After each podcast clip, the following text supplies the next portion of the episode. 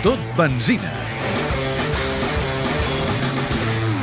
Debutaran enguany en el Dakar, tot i que com a assistència Josep Sabater ja té experiència d'altres anys. Potser això li va facilitar les inscripcions, tot i que el pilot de Vilafranca admet haver patit fins que li va arribar el sí definitiu. Va estar una mica amortiguat pel fet d'anar amb Epson, ho torno a dir perquè és, és veritat, vull dir, ni, ni més ni menys, però sí que donava una mica la por d'estar fent la feina tot un any, o tot un any i mig, tindre quasi el camió acabat, fer les proves i no saber si anàvem no sabia si anava. A, a part, evidentment, quan els sponsors diuen doncs ja has fet tota la feina. Això fica una mica nerviós.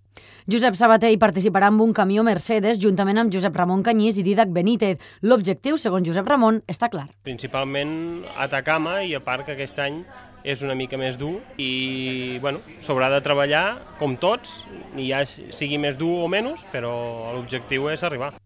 Una altra de les peculiaritats d'aquest equip és que tindrà l'honor de dur fins a terres sud-americanes als castellers de Vilafranca. Nosaltres érem el primer equip del Penedès amb un camió, amb, amb resol, i no portàvem res del Penedès. Portàvem empreses, evidentment, doncs, particulars del Penedès, però no portàvem res que ens simbolitzés. Els hi vam exposar, ja que els coneixem, i, bueno, doncs es va, va ser molt ràpid entendre'ns. Va ser molt ràpid exposar la imatge dels castellers Argentina i Xile. De fet, ells a Xile hi tenen molta, molta coneixença i molta representació.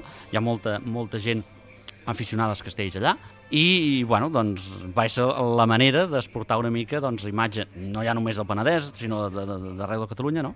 cap, a, cap a Argentina i Xile. I enmig de rialles, Josep Sabater ens confessa que, tot i no ser supersticiosos, una verge els acompanyarà en aquesta aventura. Però sí que és veritat que quan el vam comprar, tot i que el vam desmuntar tot i el vam tornar a muntar, vam trobar una mare de Déu dintre el camió, que resulta que aquest camió hi havia corregut el 2009 en David Oliveres, no? I aquella mare de Déu vam dir, la trallem o no la trallem? Bueno, total, que s'ha quedat tota la reforma del camió i està allà, que no l'hem volgut treure, no? Supersticiosos no, però bueno, era, era qüestió de que tornés a fer el Dakar.